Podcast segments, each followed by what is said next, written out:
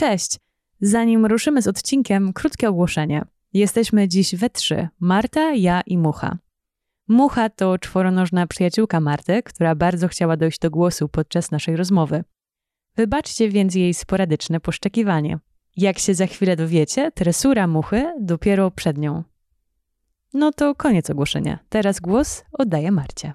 Każda taka sytuacja w życiu jest po to, żeby obrócić się na coś dużo lepszego. Jest po to, żeby nauczyć nas pokory w pewnym stopniu, żeby nauczyć nas jakiejś takiej otwartości na to, co życie przynosi, łagodności też dla siebie, żeby pokazać, że mamy wokół siebie ludzi, którzy naprawdę przy nas stoją i niezależnie od tego, czy mamy jeden tytuł, czy dwa, czy osiem, czy nie mamy zdanej matury, oni tam po prostu będą.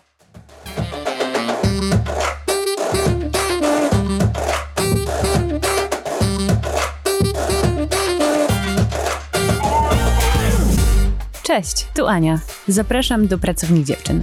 Pracownia Dziewczyn to cotygodniowe rozmowy z dziewczynami i kobietami na temat edukacji. Edukacji tej szkolnej, czasem akademickiej, a już na pewno tej życiowej. Dokąd miała zaprowadzić, a dokąd zaprowadziła.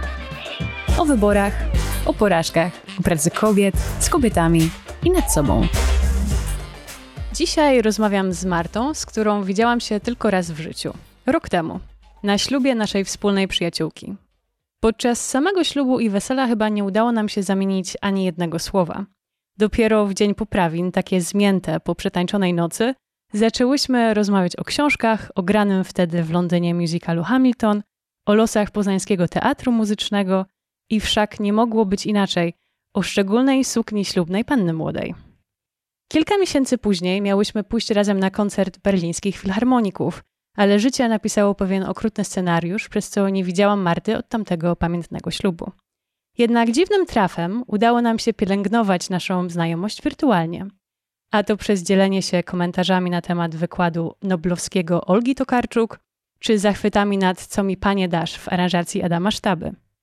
Marta Szostak przygodę ze studiami rozpoczęła od kulturoznawstwa ze specjalizacją zarządzanie instytucjami kultury – na drugim roku rozpoczęła muzykologię, kierunek, na który chciała iść od razu po maturze. Dwa lata temu rozpoczęła studia podyplomowe na arteterapii na Uniwersytecie Medycznym i roczne pilotażowe z zakresu Audience Development na Uniwersytecie Adama Mickiewicza w Poznaniu. Czym jest arteterapia i dlaczego kazała muzykologii czekać na siebie rok, mam nadzieję dowiedzieć się w przeciągu tej godziny. Obecnie kieruje marketingiem teatru muzycznego w Poznaniu i wkłada w swą pracę tyle serca, jakby miała co najmniej serca dwa. Marta kocha pisać, bawić się słowami i zależy jej na rozwoju pisarskiego talentu zarówno w kwestii pisania zawodowego, jako krytyk i publicysta, no i poza. Pochodzi ze Świnoujścia, gdzie ukończyła szkołę muzyczną na fortepianie. Przez 12 lat życia śpiewała w rozmaitych chórach, w tym chórze akademickim Uniwersytetu Adama Mickiewicza w Poznaniu. Poza tym myślę, że w CV Marty do punktu umiejętności można by dopisać zawodowa świadkowa, Cenię i podziwiam ogrom pasji, którą Marta wkłada w rzeczy, które kocha. Zaczynając od śpiewu w chórze, poprzez studia, pracę zawodową i wszystkie dodatkowe projekty i aktywności, których się podejmuje. Myślę, że to ten rodzaj pasji, która potrafi zarażać i inspirować innych, a za którą wiele osób bezskutecznie goni w dzisiejszym świecie. Tak o Marcie mówi jedna z jej już zamężnych przyjaciółek. I mogłybyśmy tak bez końca o Marcie w samych superlatywach, ale czas na przywitania. Marto, jak miło Cię usłyszeć w pracowni dziewczyn. Aniu, jak miło usłyszeć tyle rzeczy na swój temat. Rany, naprawdę usłyszenie tego na raz, no dziury w policzkach, gwarantowane. Bardzo szeroki uśmiech. E, słuchacze muszą uwierzyć nam na słowo. Bardzo szeroki uśmiech się teraz pojawił na mojej twarzy. Jest mi bardzo miło. I jest mi bardzo miło, że mnie zaprosiłaś do tego wyjątkowego przedsięwzięcia, bo kiedy tylko mi o nim powiedziałaś, e, czułam, że jest to coś wyjątkowego i bardzo się cieszę, że mogę stać się tego częścią. Przyjemność po mojej stronie. I tak nawiązując od razu do tego intro, czy ty pamiętasz, ile to już razy byłaś świadkową? Tak, pamiętam, bo świadkową, świadkową byłam tylko raz na wspomnianym przez ciebie weselu e, u Iwki. Przepraszam, ktoś tutaj próbuje dojść do głosu. To mucha, mucha, tak. czyli pies Marty. Ona jest dość, um, ma dużo do powiedzenia, podobnie jak i pani, więc Właśnie jak słyszę. na owada jest wyjątkowo wygadana, ale musimy po prostu dać jej pogadać. W każdym razie świadkową byłam tylko u Iwki. Byłam też drużbą na ślubie mojego brata, ale to nie do końca jest ta sama funkcja. Rzeczywiście w przeciągu ostatnich dwóch lat ślubów miałam okazję doświadczyć wielu i, i wiele pięknych par mogłam spojrzeniem do ołtarza odprowadzić. E, wielu moich przyjaciół, bardzo się z tego cieszę. Natomiast póki co nasza wspólna przyjaciółka była moją jedyną panną młodą. O rany, to ja myślałam, że, że tak dużo ty świadkowałaś tego ostatniego lata. Nie, nie, nie. Chodziłam, kibicowałam, tańczyłam na weselach, ale świadkowałam tak naprawdę rok temu. To był mój debiut i bardzo się cieszę, że akurat u takiego pięknego boku. Debiut udany. Ja nie mogłam sobie oczywiście odmówić porozmawiania z, tutaj z naszą przyjaciółką, zostawmy ją anonimową, żeby mi pomogła troszeczkę o tobie powiedzieć. Powiedz mi proszę, żebyśmy może zaczęły troszeczkę tak wyjaśniać, skąd ty taka, skąd ty taka się wzięłaś i skąd ty taka jesteś ukulturalniona, taki pozytywny człowiek. Opowiedz mi o swojej rodzinie i troszeczkę o rodzicach i czy, czy to oni w tobie zaszczepili taki ach, animusz?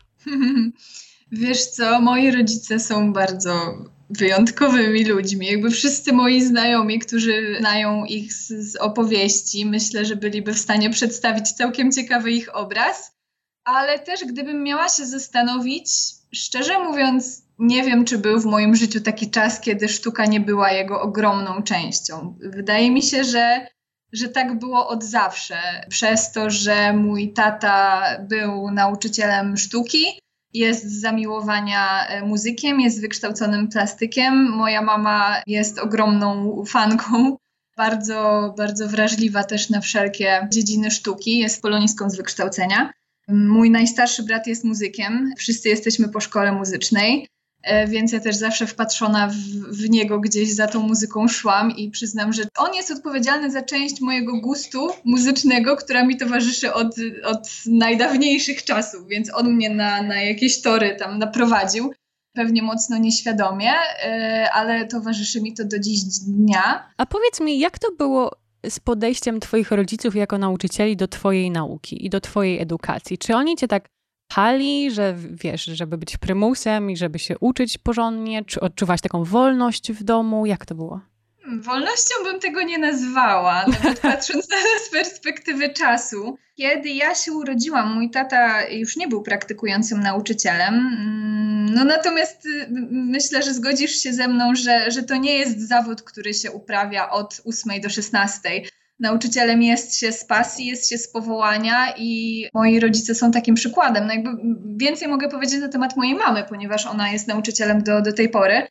I mimo tego, że no nam jakoś nigdy nie było po drodze do siebie, w tym nie, nie, nie tylko mam na myśli to, że ona mnie nigdy nie uczyła, mimo tego, że pracowała, pracowała w tej szkole, do której ja chodziłam przez rok, nie uczyła mnie, co, co wtedy dla mnie było powodem do ogromnej, ogromnej ulgi, to ze względu chyba na jakieś podobieństwo charakterów bardzo ciężko nam się było dogadać, więc ja dość rzadko korzystałam w cudzysłowie z jej usług, bo miałyśmy zwykle odmienne zdanie, bo zmuszała mnie do myślenia, tego nienawidziłam. Na każde pytanie, które jej zadawałam, odpowiadała, no a pomyśl, a zastanów się. Jakby ja nigdy nie dostawałam gotowych odpowiedzi i trafiał mnie szlak, absolutnie. Więc w którymś momencie sobie to odpuściłam, ale wielu moich znajomych moja mama uczyła. Wielu też um, dochodziło do mnie głosów e, dużo starszych e, ode mnie osób, które uczyła kiedyś, e, które mówiły, że, że moja mama jest, jest absolutnie nauczycielem z powołania, którego pamięta się przez lata, który nie tylko uczy cię tego, czego powinien cię nauczyć, jako wykładowca danego przedmiotu, ale też trochę uczycie życia, bo no, od, tego, od tego powinni być nauczyciele. A, a wiem, że moja mama zawsze wkładała ogrom serca i wkłada do tej pory ogrom serca w, w pracę ze swoimi uczniami i, i byłam świadkiem wielu korepetycji, wielu kółek teatralnych, wielu spektakli, które reżyserowała. I to, to zawsze było z sercem na, na full. A co ty cenisz najbardziej jako naukę płynącą od twoich rodziców? Wspomniałaś oczywiście o sztuce i o tym, że ta sztuka była gdzieś blisko zawsze. Jest coś jeszcze, co, co tak może cenisz jako taką lekcję życiową? Wiesz co, to jest właśnie jedno z trudniejszych pytań, które, yes. które mogłaś mi zadać, więc dobrze, że od tego zaczęłyśmy. Ponoć to jest dobry bo... komentarz dla dziennikarzy zawsze. Tak, e, komentarz dobry, szczery przede wszystkim, bo, bo tak jak Ci powiedziałam, e, obiecałam sobie, że wszystkie odpowiedzi będą w 100% szczere, niezależnie od tego, w jakim świetle mnie postawią. I myśląc sobie nad tą odpowiedzią, doszłam do wniosku, że kurczę, chyba jeszcze nie jestem w takim wieku, w którym ad hoc jestem w stanie powiedzieć o rzeczach czy o naukach, które od moich rodziców wypłynęły i które ja zrozumiałam bo nauki, które płynęły, jakby one płyną cały czas. To jest jakby codzienny proces e, od wielu, wielu lat. Natomiast ja bywam dość oporna jeszcze na te nauki. Bardzo często muszę je usłyszeć kilkanaście razy, kilkadziesiąt. Albo w ogóle ich nie słyszę, albo urywam to komentarzem, no daj spokój, no przecież wiesz, że tak nie jest. Chociaż no. ja wiem, że tak jest. Także czekam, naprawdę czekam chwili, w której nie wiem, czy to będzie jakiś jeden moment, czy to nastąpi z dnia na dzień, czy po prostu musi uderzyć jakiś piorun dosłowny albo metaforyczny, żeby te nauki przez moich rodziców mi udzielane rzeczywiście wszystkie mi się objawiły jako w pełni zrozumiałe, to raz i żebym rzeczywiście zaczęła je stosować w swojej codzienności, a, a nie tylko traktowała jako kolejne jakieś doczepienie się do sposobu mojego życia albo coś mm. w tym mhm. stylu. A spotkałaś gdzieś na swojej drodze jakieś takie kobiety, które masz wrażenie, że cię dużo nauczyły? Wiesz co, ja mm, mam szczęście do tego, że otaczają mnie naprawdę fantastyczne kobiety, ale wydaje mi się, że dopiero niedawno zaczęłam to dostrzegać. Na pewno też oczy otworzyły mi e, studia z, z arteterapii, o których wspomniałaś, bo te dwa, dwa lata minione to był czas bardzo intensywnej pracy nad sobą. To dla człowieka, który w pewnym momencie swojego życia był przekonany, że jest po prostu tworem absolutnie doskonałym i że wszystko jest w porządku. To ja widzę, że nie ma problemu u ciebie z pewnością siebie. Używam czasu przyszłego. Człowiek, który był przekonany, że jest okay. wszystko w porządku. Na szczęście dwa lata studiów terapeutycznych mocno to zweryfikowały i teraz, wiesz, rękawy zakasane, można działać, pracować, zmieniać się i rozwijać. Ale te studia też, też pokazały mi mm, absolutną taką różnorodność i piękno kobiet, które mnie otaczają. O mojej mamie już wspomniałam. Moja babcia jest przecudowną kobietą, absolutnie kobietą mojego życia której zawdzięczam bardzo dużo. Wiem, że łączy nas naprawdę wyjątkowa więź. Miałam też kilka, kilka świetnych nauczycielek w trakcie tych 12 lat, które pełniły taką funkcję, wydaje mi się, mojej mamy w, innych, w, w życiu innych ludzi. Rzeczywiście uczyły nie tylko tego przedmiotu, ale też jakiegoś podejścia do świata, samodzielnego myślenia, krytycznego myślenia i to było naprawdę bardzo cenne. No i, i moja dyrygentka to była taka osoba, u której boku miałam niesamowitą szansę spędzić ponad 12 lat, ponieważ przez pierwsze 6 lat uczyła mnie fortepianu, a drugie 6 była dyrygentką chóru, do, do którego wstąpiłam, chóru dziewczęcego Logos. I musiało minąć kilka lat. Musiałam zacząć studia, usamodzielić się, wyprowadzić się z domu, żeby zdać sobie sprawę z tego, ile ona rzeczywiście dla mnie zrobiła. I była to niesamowita kobieta, bo no wyobraź sobie prowadzić chór dziewczęcy nastolatek. Jakby ilość energii, hormonów, problemów i dram, nawet w tak wspaniałym roczniku, y, jaki był razem ze mną, tak, prawda, odpowiedzialnym, dojrzałym y, itp. itd. I tak była niemała. A, a jej w tym moim rodzinnym Świnoujściu, które nie jest wielkim miastem, ono nie ma nawet 40 tysięcy mieszkańców, udało się stworzyć miejsce, w którym dziewczyny mogą się rozwijać, czują się chciane, są zaopiekowane i w którym nie tylko mogą się spełniać artystycznie, ale naprawdę pobierać konkretne życiowe lekcje, bo z byciem w chórze wiąże się bardzo duża dyscyplina, bardzo duża odpowiedzialność, umiejętność pracy zespołowej patrzenie też w dyrygenta. A co cię przyciągnęło do chóru? Wiesz co, ze mną była o tyle ciekawa sytuacja, że ja chodząc do szkoły muzycznej szczerze jej nienawidziłam. I to był naprawdę, to był dla mnie koszmar. I e, moja nauczycielka zwana e, drugą z matek, e, bo, bo ona też znała mnie od, od urodzenia, ponieważ razem ze swoim mężem przyjaźnili się z moimi rodzicami. Ona ze mną naprawdę przechodziła przez cztery kręgi piekła bo przychodziłam dwa razy w tygodniu na fortepian i, i z miną zbitego psa siadałam i pamiętam, że zawsze jak wybierałyśmy jakiś nowy repertuar, to ja chciałam, żeby wszystkie utwory były tylko molowe, czyli tylko smutne, bo tylko one w pełni oddawały mój o. nastrój. I tak było przez sześć lat. Powiem ci, naprawdę nie wiem, co się stało tego lata między, między szóstą klasą a pierwszą gimnazjum, że w czerwcu na koniec roku odchodziłam z, z pełnym postanowieniem, że nigdy więcej tam nie wrócę. A wtedy już wiedziałam o chórze, który ona prowadziła, bo opowiadała mi, że dziewczyny, wyjazdy tu, szykujemy koncerty, nowe sukienki. I nie wiem, co sprawiło, że ja we wrześniu przyszłam na przesłuchania, ale bardzo dobrze pamiętam jej minę i jej szok. Ty, co ty tu robisz? No zawsze do mnie mówiła Ruda Małpo. Bardzo to było kochane, bardzo czule to wspominam. Mówisz, ale że ty? Ty tutaj? Poszłam na przesłuchania, trafiłam do, do Altów i, i spędziłam tam naprawdę jedne z najlepszych lat swojego życia. Tam, tamtejszego.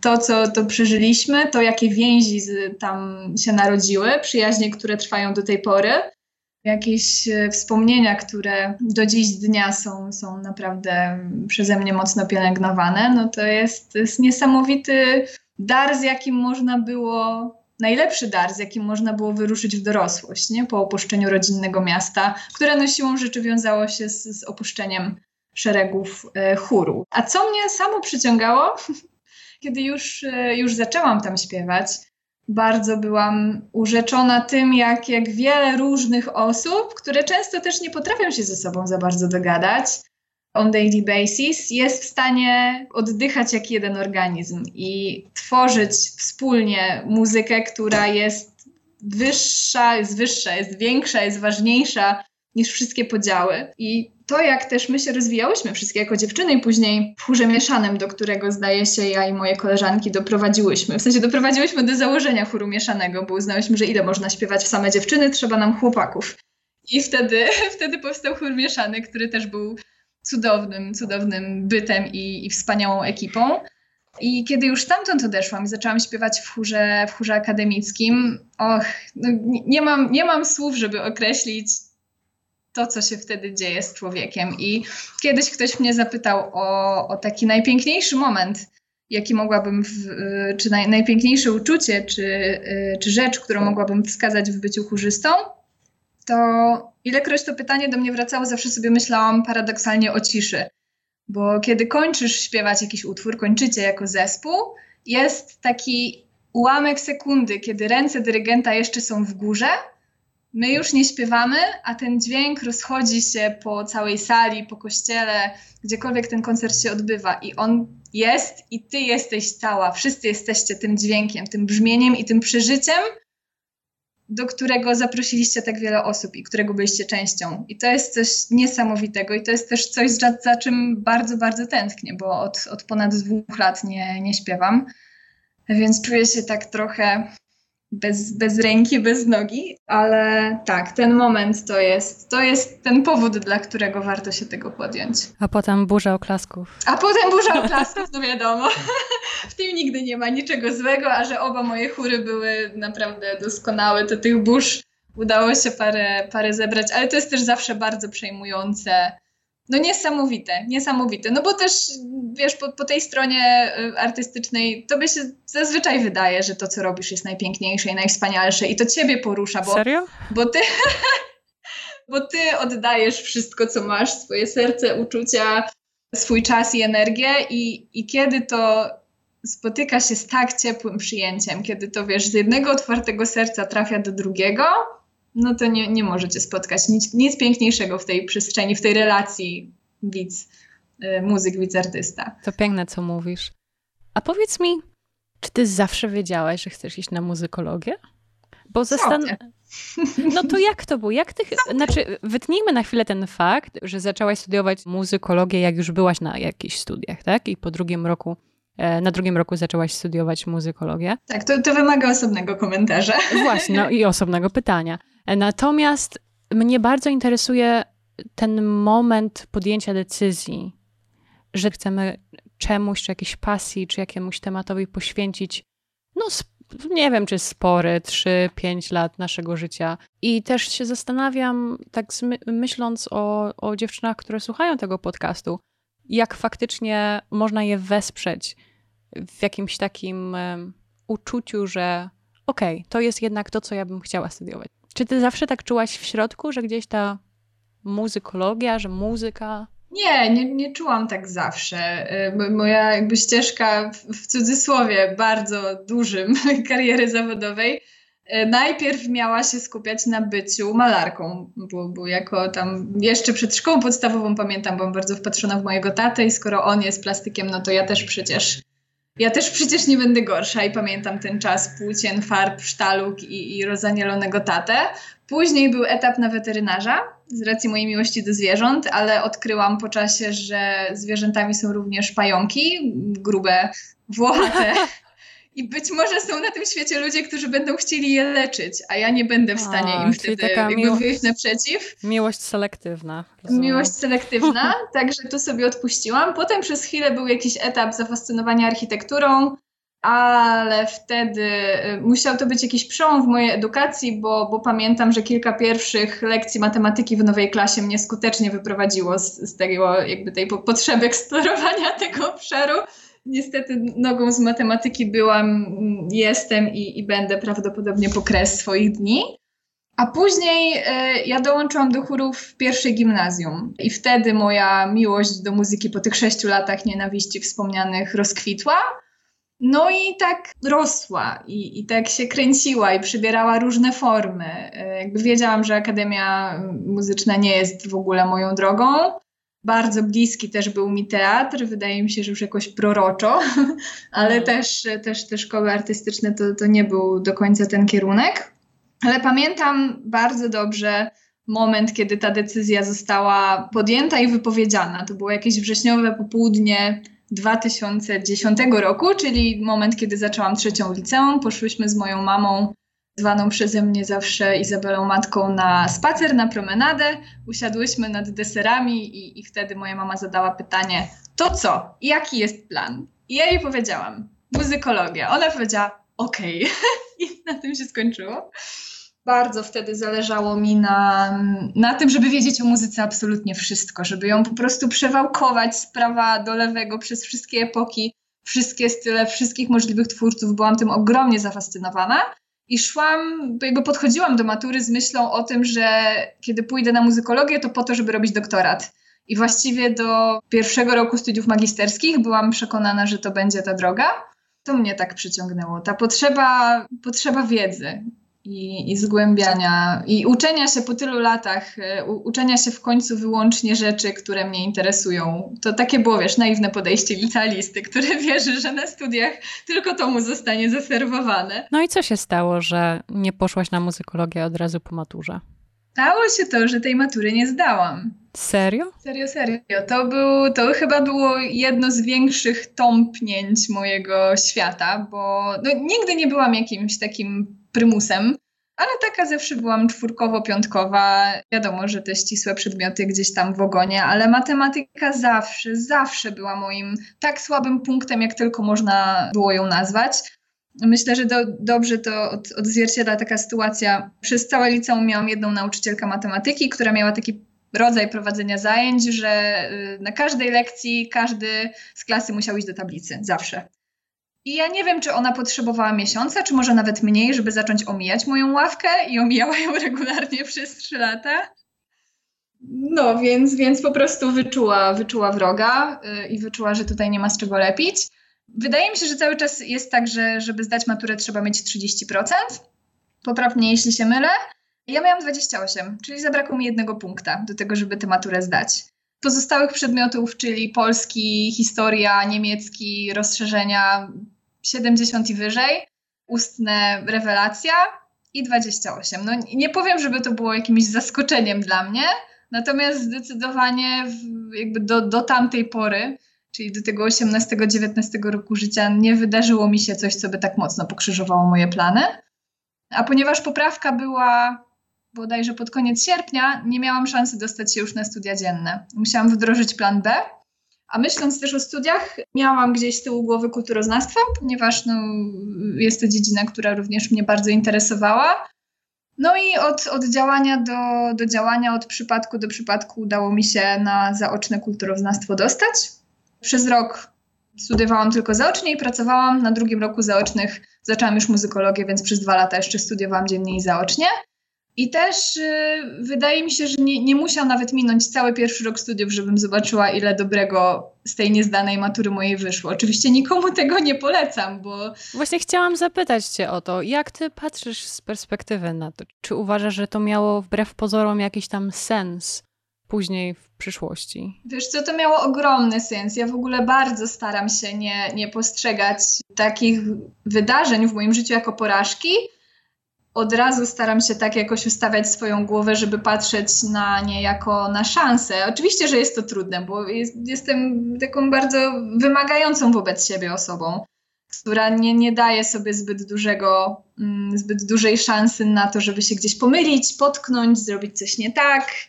To jest, jestem dla siebie dosyć ciężkim człowiekiem ale pracuję nad tym, bo jestem tego świadoma i też moi najbliżsi są i bardzo mi w tym pomagają, za co czasami mam ochotę ich zdzielić, ale przez większość czasu jestem cały czas i jestem za to bardzo wdzięczna.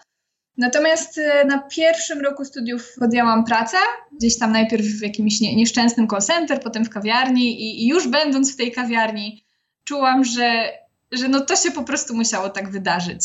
Z tak wielu powodów jeden z wykładowców, który uczył mnie na kulturoznawstwie, jest obecnie moim szefem. Więc y, poznaliśmy się, potem na parę lat zajęłam się innymi rzeczami, a potem wróciłam do, do miejsca, w którym miałam praktyki jakieś 8 lat temu. Kiedy poszłam na muzykologię, poznałam tam naprawdę cudownych ludzi, łącznie z naszą, naszą wspólną, łączącą nas. I bardzo często też gdzieś tam przyglądając się im z boku, myślałam sobie, kurczę, ten rok wyżej, no fajnie, ale czy oni są tacy fajni jak moi? No nie, zdecydowanie nie. Czyli nie ma tego złego, co by na dobre nie wyszło. Absolutnie. Ja jestem przekonana, że, że każda taka sytuacja w życiu jest po to, żeby obrócić się na coś dużo lepszego. Jest po to, żeby nauczyć nas pokory w pewnym stopniu, żeby nauczyć nas jakiejś takiej otwartości na to, co życie przynosi łagodności też dla siebie, żeby pokazać, że mamy wokół siebie ludzi, którzy naprawdę przy nas stoją i niezależnie od tego, czy mamy jeden tytuł, czy dwa, czy osiem, czy nie mamy zdanej matury, oni tam po prostu będą. I no, ilość lekcji życiowych wypływających z takich doświadczeń jest ogromna. Warunkiem jest tylko to, żeby chcieć je zobaczyć, bo jak sama dobrze wiesz, można mieć coś podane na ławie i w ogóle nie chcieć tego przyjąć. A kiedy ty rzeczywiście musisz włożyć w jakąś, jakąś pracę w to, żeby wyciągnąć z tego jakąś mądrość, no to, to w ogóle możesz nie mieć na to ochoty. Więc myślę, że, że klucz jest w Twoim podejściu. A propos właśnie posiadania tylu tytułów w Twoim przypadku, co to jest arteterapia? Arteterapia jest to wspaniała dziedzina, która opiera się na terapii poprzez sztukę. Sztuka jest traktowana jako medium, ona nie jest tam celem samym w sobie, więc w przypadku y, na przykład działania z rzeźbą, czy z obrazem, czy z rysunkiem, czy z, z muzyką, nie ma znaczenia to, jak ten produkt, nazwijmy to, będzie wyglądał, w sensie jego walory artystyczne, bo nie, nie to jest oceniane. Ty przez proces tworzenia tego obrazu, tego utworu, tej rzeźby masz możliwość wykonać pracę nad sobą, dokonać jakiegoś wglądu i sztuka po prostu w tym ci pomaga. I to jest potwierdzone info. Jestem cały czas pod ogromnym wrażeniem tego, jak takie pozornie, po, pozornie niepozorne, drobne działania, nie wiem, z, właśnie z rysunkiem, czy z jakąś włóczką, czy z, czy z kawałkiem gliny, ile one są w stanie powiedzieć tobie o tobie samym. Co na tobie mówią? Ostat, czy ostatnio, już jakiś czas temu, musiałam nadrobić zajęcia z gliny. o mój Boże, ja jestem dość wybuchowym człowiekiem, dość nerwowym człowiekiem. Bardzo staram się nad tym panować, no ale, ale są takie elementy mojej natury, których nie przeskoczę. A glina, nie wiem, czy miałaś kiedyś glinę w ręku, ona wymaga czasu, ona wymaga cierpliwości. Musisz y, odpowiednio ją pougniatać z wodą, żeby ona zaczęła pracować, żeby zaczęła robić to, co ty chcesz.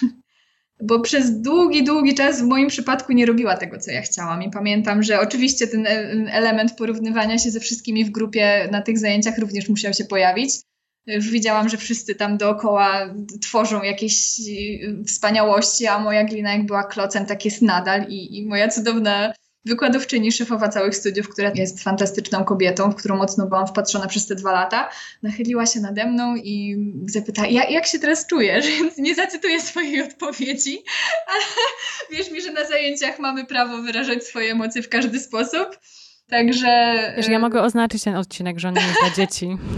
tak, tak właśnie się czułam. Czułam się, czułam się jak wyraz nie dla dzieci. Ale po czasie, po czasie zaczynała się uginać, ja zaczynałam się uspokajać i zaczęło się naprawdę fajnie pracować. Wiesz, ja o tym mogłabym mówić naprawdę bardzo dużo, bo i jakby z tej strony odbiorcy, jakby inaczej, i ze strony pacjenta, i ze strony bardzo mocno początkującego terapeuty, i też ze strony osoby, która jakby całe życie w tej sztuce żyje, jest jej częścią i, i też tworzy.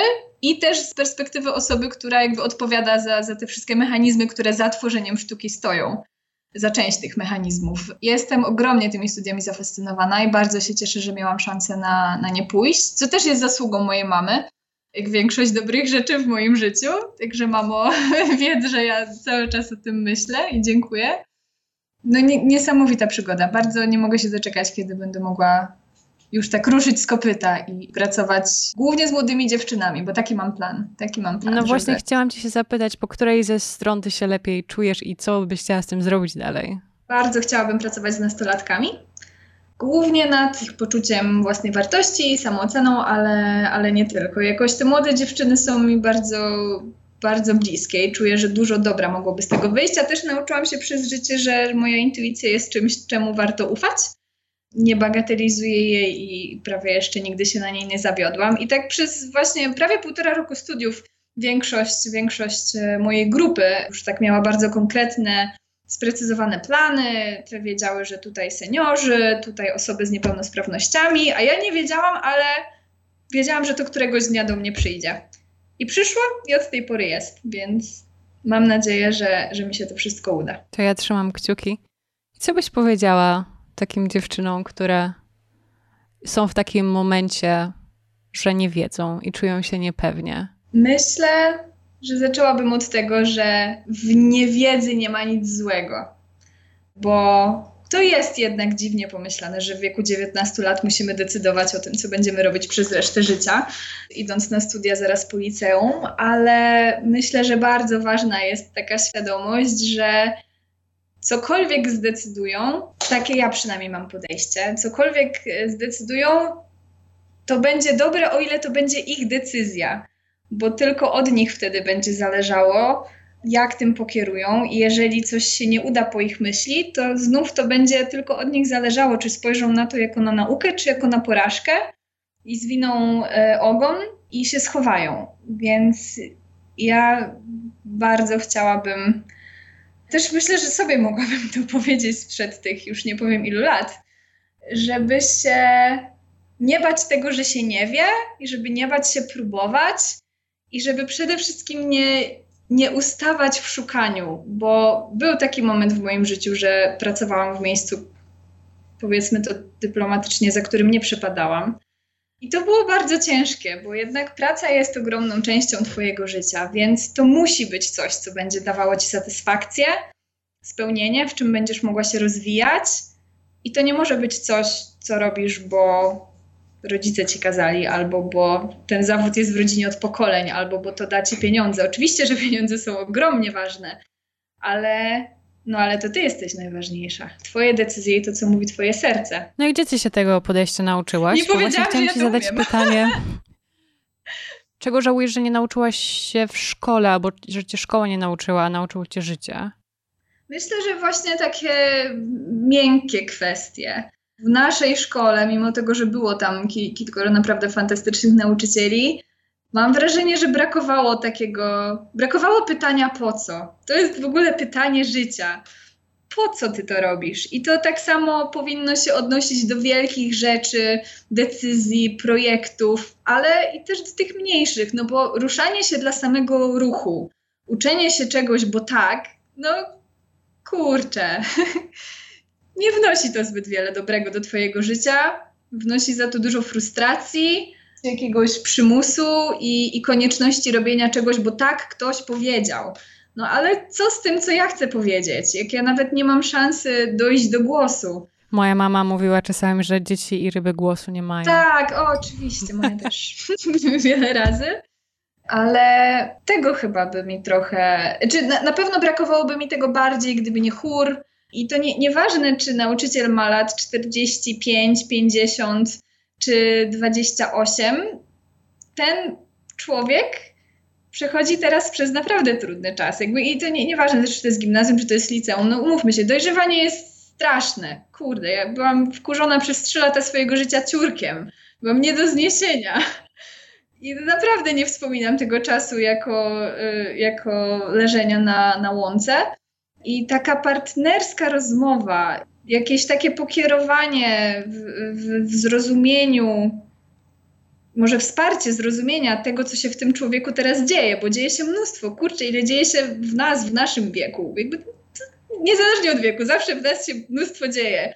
I w momencie, w którym bagatelizuje się to i nie pozwala się temu człowiekowi zastanowić w ogóle nad tym, co on czuje, co jest dla niego ważne, bo musisz robić, robić, robić, bo korki, bo matura, bo studia, bo tytuły, kurczę, no zwolnijmy trochę, jakby weźmy oddech i to jest, jakby ja zdaję sobie sprawę z tego, jak bardzo jest to nie na miejscu w moim przypadku mówić weź oddech, bo... Właśnie chciałam powiedzieć, że ty mówisz wszystkim zwolnij, zwolnij, a sama biegasz po prostu, bez ustanku. Bo ja jestem bardzo mądra, jeśli chodzi o innych, wiesz, ale to też jest taka... Idealna dla tego podcastu jesteś. E, tak, ja potem jak już ściągnę słuchawki, to będę mogła iść biec dalej. I iść biec, tak. właśnie, to jest ja. E, iść biec dalej. Ale dobrze mówisz o tym bieganiu, bo ja chcę cię pytać o teatr i o to, co teraz robisz i, i o kierowanie marketingiem. Jak to się zostaje kierownikiem marketingu w teatrze muzycznym? Ja też bardzo dobrze pamiętam moment, w którym zostałam o tym poinformowana. E, ja zaczęłam pracę w teatrze, tylko powiem słowem wstępu, zaczęłam pracę w teatrze w styczniu 2018 roku. W tym samym tygodniu pamiętam, zaczęłam arteterapię. Trafiłam naprawdę do, do y, świetnego zespołu ludzi, którzy no, wiedzieli, co robią i, i byli w to bardzo, bardzo zaangażowani. Zresztą w teatrze tacy ludzie pracują. Tam nie pracuje ktoś, kto komu się nie chce albo komu na tej pracy nie zależy, bo jest to bardzo specyficzny y, rodzaj pracy, praca w kulturze. Później w, w czerwcu, jak dobrze pamiętam, dostałam awans na zastępcę kierownika. We wrześniu, czyli po dziewięciu miesiącach od podjęcia pracy, moja kierowniczka ówczesna wzięła mnie na rozmowę do dyrektora i dyrektor mnie wtedy po, po bardzo długiej ciszy E, poinformował mnie o tym, że moja kierowniczka odchodzi i zawiesił głos, chcąc mówić dalej, ale ja wtedy przysięgam, że zatkałam uszy i powiedziałam, że nie chcę słyszeć ciągu dalszego tego zdania.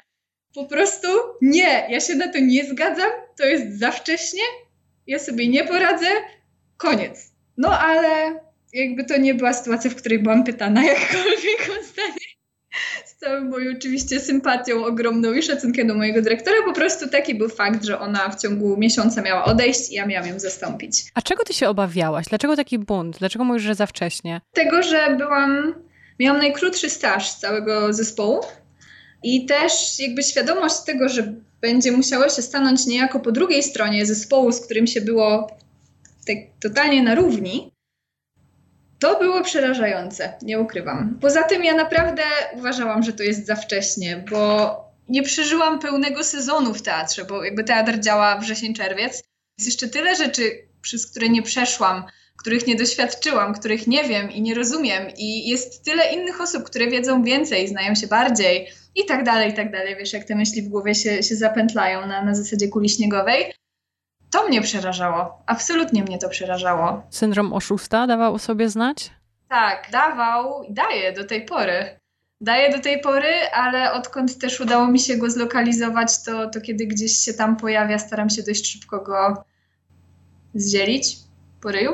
Jak to się tak po ryju zdziela, taki syndrom? No weź, weź już, już tak naprawdę, już nie masz o czym myśleć, no już zajęłabyś się czymś bardziej pożytecznym niż zastanawianie się po raz setny, czy ty na pewno zrobiłaś coś dobrze, albo czy, czy na pewno jest tak, że wszyscy dookoła są od ciebie lepsi, a tobie się po prostu udaje. Jak ty w sobie taki mięsień wykształciłaś, żeby się łapać na to, coś świadomie, że zaczynasz... Wiesz, studia bardzo mi w tym pomogły. Właśnie arteterapia to jest jeden, jedna z wielu, wielu rzeczy, które pozwoliły mi uświadomić na swój temat. A poza tym, no też y, jeszcze do arteterapii nawiązując, jest też takie założenie, że terapeuta, zanim zacznie pracować jako terapeuta, powinien swoją psychoterapię przejść. Też chciałabym to podkreślić, że kurczę, jakie to jest dobre, jakie to jest trudne, ale jakie to jest dobre. I jak, jak żałuję, że tak mało się o tym mówi, bo skupiamy się w większości na, na zdrowym trybie życia, na diecie, na treningach, ale nikt nie myśli o tym, że no nasze ciało nie jest odrębnym bytem od naszego umysłu i naszego ducha. Jakby to wszystko jest jedna wielka całość i ono nie zapomina jakichś nieprzepracowanych rzeczy, nieprzerobionych emocji i ono to po prostu przyjmuje i w którymś momencie się o to upomni. To jest bardzo trudne. Przychodzi czas, że musisz się skonfrontować z wieloma swoimi wyobrażeniami na swój temat.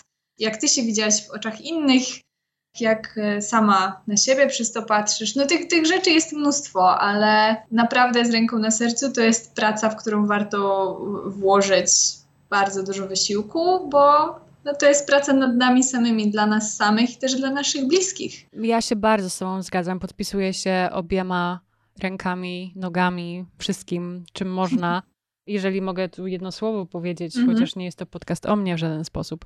Mnie brakuje w szkole bardzo nauki o ludzkich więziach i związkach. I nie chodzi tutaj mm -hmm. o wychowanie do życia w rodzinie, chociaż pewnie mm -hmm. też w jakiś tam sposób. Ale to, jak my się ze sobą komunikujemy, to, jak my ze sobą rozmawiamy, o szacunku. Oczywiście. I to, mam wrażenie, miało, miałoby też, czy mogłoby mieć odzwierciedlenie na nas, na nas samych. To, jak my traktujemy inne osoby, to, jak się z nimi komunikujemy, to, jak chcemy o nie dbać, też wydaje mi się, żeby się troszeczkę przekładało na to, jak dbamy o siebie i, jakąś po prostu może taką większą świadomość w nas. Oczywiście, też zgadzam się z Tobą bardzo i te, też to są takie obszary, nad których chciałabym pracować jako, jako arteterapeuta, bo wykształcenie, w, no w moim przypadku, jakby w, gdzieś tam w młodych dziewczynach, takiej świadomości, że one są, są wystarczające takie, jakie są i wszystkie relacje, w które wchodzą, one nie mają być uzupełnieniem jakichś braków i wypełnieniem jakiejś luki, bo to nie o to w tych relacjach chodzi, ale w to, żeby. I jakby mówię o, o, każdego rodzaju relacjach, przyjacielskich, koleżeńskich, związkowych, żeby dwoje szczęśliwych ludzi mogło mieć zdrową relację, w której nikt od nikogo nie będzie uzależniony i nikt na nikim nie będzie opierał całego poczucia swojej własnej wartości, sensu życia yy, i tak dalej. I też no nie mówi się o tym za dużo w czasach licealnych. Wydaje mi się, że. Też o takich barierach, o tym, że ludzie mm. mają swoje własne bariery jakieś i to, że w związku się je powinno szanować, czy w jakiejś tam przyjaźni, Oczywiście. relacje jakiekolwiek Oczywiście. powinno się je szanować. I też wydaje mi się, że to by bardziej uświadamiało tobie potrzebę tych własnych też. Tak, własnej właśnie, prywatności, też, też własnych jakichś granic. W stawianiu granic nie ma nic złego. Jakby nikt za nas nie postawi granic nas dotyczących, tylko, tylko my. I to też nie jest jakiś luksus i przywilej, tylko to jest podstawowe prawo móc powiedzieć komuś, albo ja na przykład często mówię sobie, nie, szostak, koniec, koniec pracy. To znaczy to następuje po tym, jak już 10 innych osób mi to powie ale koniec pracy, odpoczynek to nie jest luksus, to jest obowiązek i tak dalej, i tak dalej. Więc wyczucie swoich granic. Mam też kilka takich doświadczeń w wstawianiu tych granic innym ludziom, że to wcale nie sprawiło, że te relacje stały się słabsze, wręcz przeciwnie. One przeniosły się na, na poziom, który wydawał mi się wcześniej w ogóle nie, nieosiągalny, jakby nie istniał w mojej świadomości. Nie? Więc tak, to, to, to też są rzeczy, o których zbyt dużo się nastolatkom nie, nie mówi, a powinno. A jakie teraz sobie stawiasz cele, Marto? Jakby zbudowanie sobie takiej rzeczywistości, w której będzie czas i miejsce na wszystko i w której w jednym momencie będę w jednym miejscu. Być z danym człowiekiem, być ze sobą, być w swojej pracy, nie, nie martwić się na tydzień do przodu i nie, nie smęcić za, za miesiąc temu. I myślę, że jakieś takie swoje ustawienie głowy będzie też miało dobry wpływ na moją pracę będę w niej dużo spokojniejsza, dużo bardziej skoncentrowana, bo przyznam też, że te pierwsze dwa lata pracowałam bardzo, bardzo dużo i bardzo dużo ponad swoje siły, ale dopiero teraz to odczułam. I dopiero teraz gdzieś tam uczę się nieśmiało stawiać te granice i mówić samej sobie, że fakt, że będę pracować tylko tyle, ile powinnam, to nie znaczy, że, że nagle będę dawać z siebie 20%, a nie 120%. Praca jest bardzo ważna, zwłaszcza taka praca z pasji, taka praca, którą, którą ja mam, która bazuje bardzo mocno na, na wzbudzaniu emocji, na tworzeniu nowych rzeczywistości, na pracy z naprawdę fantastycznymi, uzdolnionymi ludźmi, to wciąż jest praca, po której wciąż następuje życie, które nie jest tylko dodatkiem do tej pracy, ale jest też czasem i, i przestrzenią, które tak samo wymaga mojej uwagi. I tak samo właśnie inne jakieś um, obszary, w których bardzo bym się chciała rozwijać, a nie robię tego, bo do tej pory nie miałam czasu. Taki mam cel, skupić się na, na tym, co jest tu i teraz, ale nie w takim rozumieniu, wiesz, mało rozsądnego podejścia, tylko raczej właśnie takiego zdroworozsądkowego podejścia do rzeczywistości. A chcesz się czegoś nauczyć w najbliższym czasie? Dla siebie samej? Ja bym się chciała nauczyć oddychać porządnie, bo to jest umiejętność, która jakiś brak w sobie, który wyniosłam z zajęć z kolei z choreoterapii, czyli terapii poprzez taniec. Pamiętam jak wykładowczyni, wiem, że dzisiaj bardzo dużo mówię, y, wspaniała, cudowna, ale no, no tacy, tacy są ludzie, o których mówię cudowna wykładowczyni y, y, opowiadała o swojej historii i mówiła, że w którymś momencie zdała sobie sprawę, że nie oddycha. Ja wtedy oczywiście moja naturalna podstawa to jest pff, nie oddycha, przecież to głupota, wszyscy oddychamy. Po czym kolejną minutę siedziałam na totalnym bezdechu i wtedy nastąpił taki moment, u, coś, coś jest kurczę na rzeczy. Świadome oddychanie, wiesz, na takim obszarze trochę szerszym niż tak od, od nosa do połowy szyi, Myślę, że wniosłoby dużo dobrego, więc to jest taki basic skill, powiedziałabym, którego chciałabym się mocno nauczyć. Z bardziej prozaicznych rzeczy chciałabym przyłożyć trochę czasu na wytresowanie swojego psa, który, którego wszystkie, wszyscy dzisiaj mogliśmy trochę posłuchać, bo jest w moim życiu od, od niedawna i, i wnosi bardzo dużo dobrego, dyscypliny, porannego wstawania, mokrych nosów, oślinionych zabawek. Tak, chciałabym trochę zainwestować w wychowanie tego małego. No i stały rozwój w swojej pracy, opanowanie i takie przekonanie, że, że wszystko da się rozwiązać i że może nie zawsze, jak się zdenerwuję, to muszę rzucać długopisami po biurze i że czasami mogę wziąć głęboki oddech, zanim to zrobię i rzeczywiście efekty będą lepsze niż jak się uniosę, narobię rabanu, nakrzyczę sama na siebie albo jeszcze co gorsza nie na siebie to są takie podstawowe trzy rzeczy: oddech, tresura psa i opanowanie. A co byś poleciła dziewczynom, które myślą o studiowaniu muzykologii czy arteterapii, obraniu podobnej ścieżki życiowej do Twojej? Arteterapię polecam bardzo z, z miejsca i, i, znowu z ręką na sercu, natomiast żeby się nią zająć, trzeba skończyć inne studia, ponieważ są to studia podyplomowe, niestety. Z tego przynajmniej, co ja się orientuję. Je jeżeli są jakieś inne szanse, to super.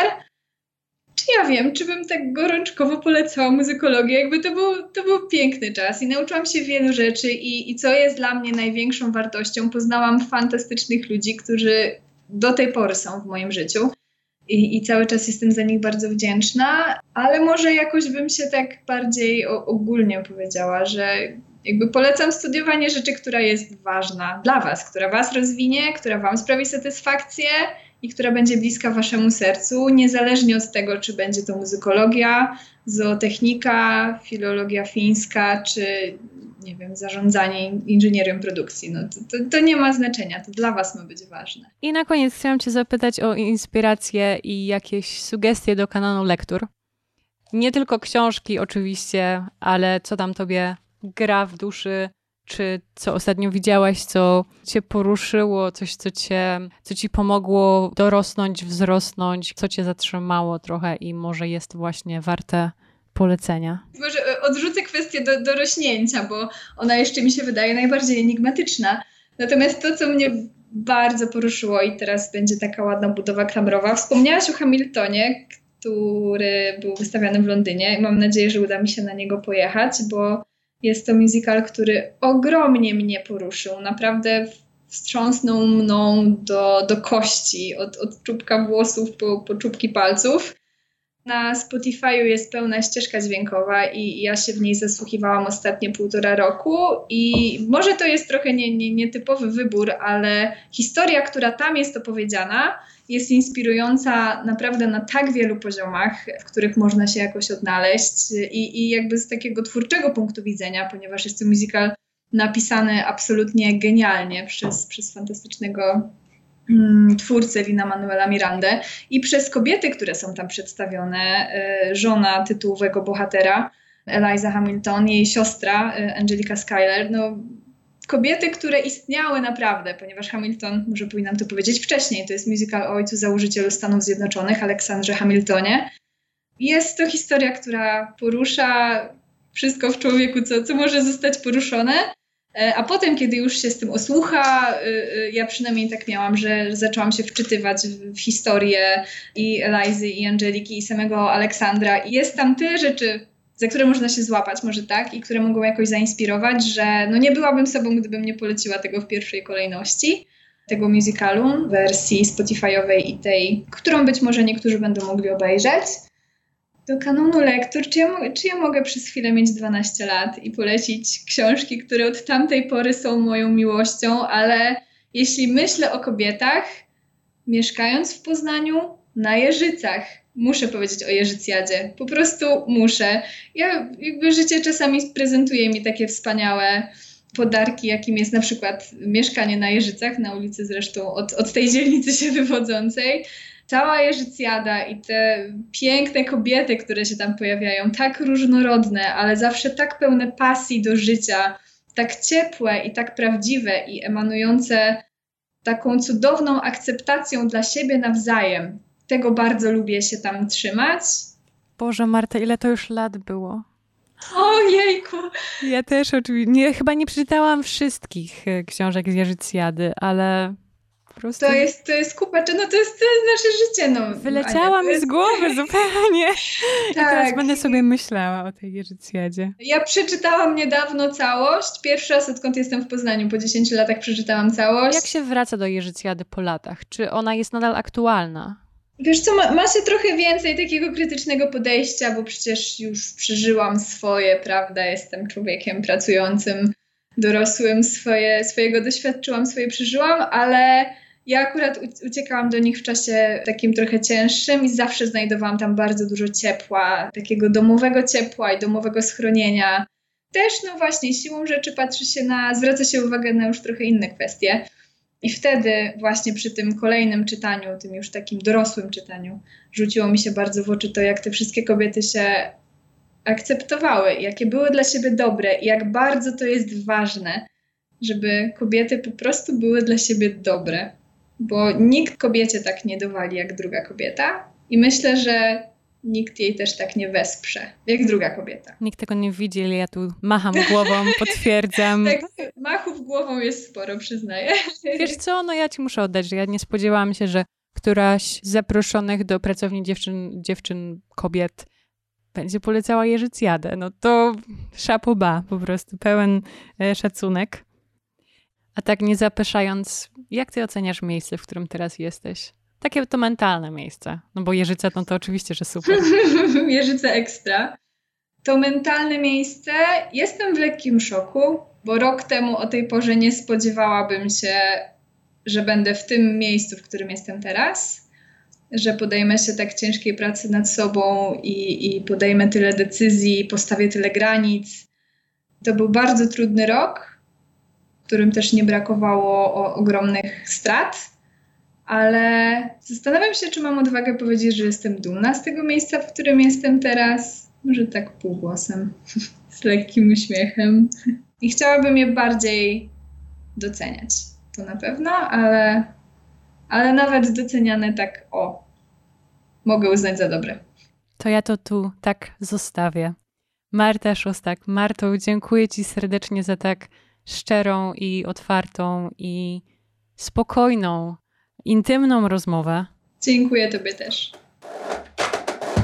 A ja zapraszam Was na stronę teatrmyślnikmuzyczny.pl, gdzie możecie znaleźć wszystkie informacje o najnowszej premierze Teatru Muzycznego w Poznaniu Virtuoso. Jest to spektakl o Ignacym Janie Paderewskim, jakiego pewnie nie znacie. Również zajrzyjcie na stronę magazynu Poznański Prestiż, to jest poznańskiprestiż.pl, aby dowiedzieć się, gdzie możecie znaleźć aktualny numer z felietonem Marty. A do Pracowni Dziewczyn możecie wstąpić zawsze przez konto na Instagramie Pracownia Dziewczyn Pod, pod, czyli podcast w skrócie, a także przez wszystkie platformy podcastowe Spotify, Apple Podcasts, Google Podcasts i wiele, wiele innych. Kolejny odcinek Pracowni w czwartek. Do usłyszenia.